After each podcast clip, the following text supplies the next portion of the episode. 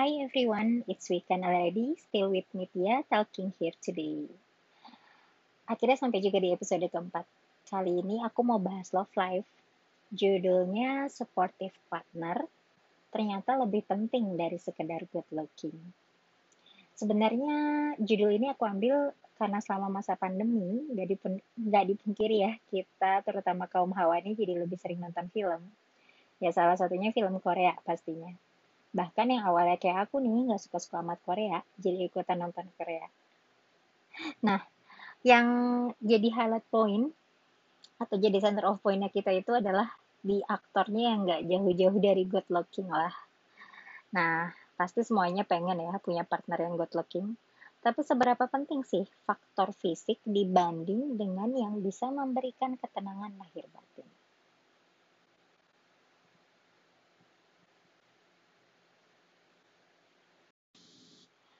Ya maunya sih dapatnya yang menarik secara fisik dan bisa jadi partner di segala aspek dengan baik. Tapi nggak ada kan manusia yang sempurna. Jadi kalau dihadapkan pada pilihan tersebut, kamu lebih memilih yang mana? Kalau aku sih lebih memilih partner yang suportif. Kenapa? Buat aku yang memilih hubungan serius dan jangka panjang, Aku ingin partnerku bisa jadi pengkritik terbesar sekaligus motivator terbaik. Penting untuk aku memilih teman hidup yang bisa mendukung aku berkembang. Jadi seru aja gitu menghadapi up and down bareng. Karena seiring waktu memiliki teman diskusi yang asik ternyata lebih menyenangkan dari sekedar gandengan dengan segala kesempurnaan fisik. Apalagi buat jadi teman hidup nih Kesempurnaan fisik kan akan hilang tergerus usia. Tapi pola pikirnya yang membuat kita bisa saling dukung untuk memecahkan segala masalah rumah tangga, itu bisa bikin kita nggak hilang rasa cinta. Akhirnya fisik jadi auto keren aja gitu di mata. Sekedar nyaman dipandang itu cukup, tapi pastikan dia bisa jadi teman diskusi yang baik untuk menghadapi roller coaster hidup. Nah, kalau udah nemu nih supportive partnernya, pilih dia yang memang tertarik dengan segala yang ada padamu. Karena dia yang memang truly madly deeply in love with you, gak perlulah diajarin atau didikte untuk memperlakukan dan menghargaimu dengan baik.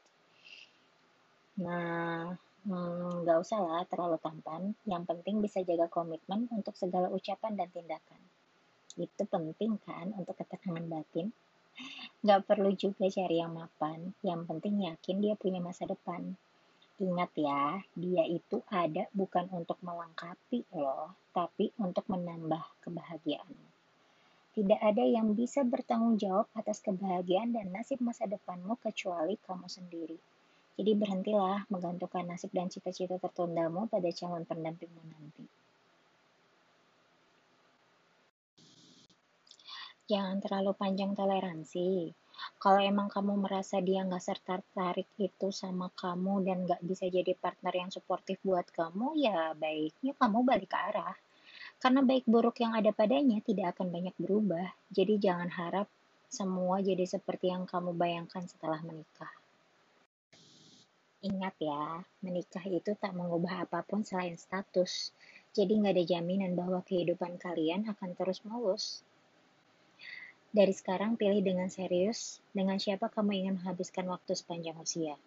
Dia yang kita anggap pantas, pastikan bukan hanya karena tentang paras.